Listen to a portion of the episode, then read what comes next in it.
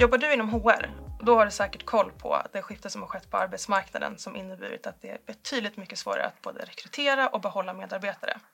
Och även om HR har varnat om konsekvenserna av kompetensbristen så är det kanske först nu som alla känner av det i verksamheten. Det är helt enkelt väldigt svårt att bygga bolag som man önskar och att leverera önskat kundvärde när man inte har rätt person på rätt plats. Och aldrig har vi pratat så mycket om employer branding som vi gör idag. Men vad är det egentligen och hur ska vi jobba med det för att se mest effekt av det? Employer branding associeras ofta till synlighet och marknadsföringen av en arbetsplats. Men det är så mycket mer. Kraftfull employer branding börjar inifrån organisationen och sprids sedan utåt.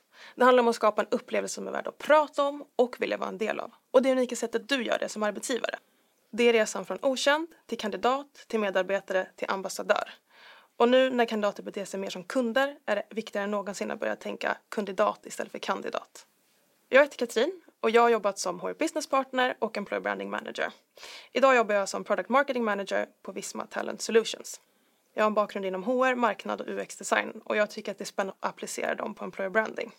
I den här podden så kommer jag tillsammans med gäster inom olika roller och olika branscher att prata om alla de facetter som utgör ett starkt employer brand. Från synlighet mot kandidat, till rekrytering, till hela medarbetarresan, till avslut. Så den här podden är för dig som vill ha inspiration men också raka konkreta tips.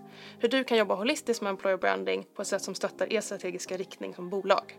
Så häng med så utforskar vi hela kandidatresan för att bygga organisationer som inte bara är attraktiva på pappret utan även riktigt grymma arbetsplatser.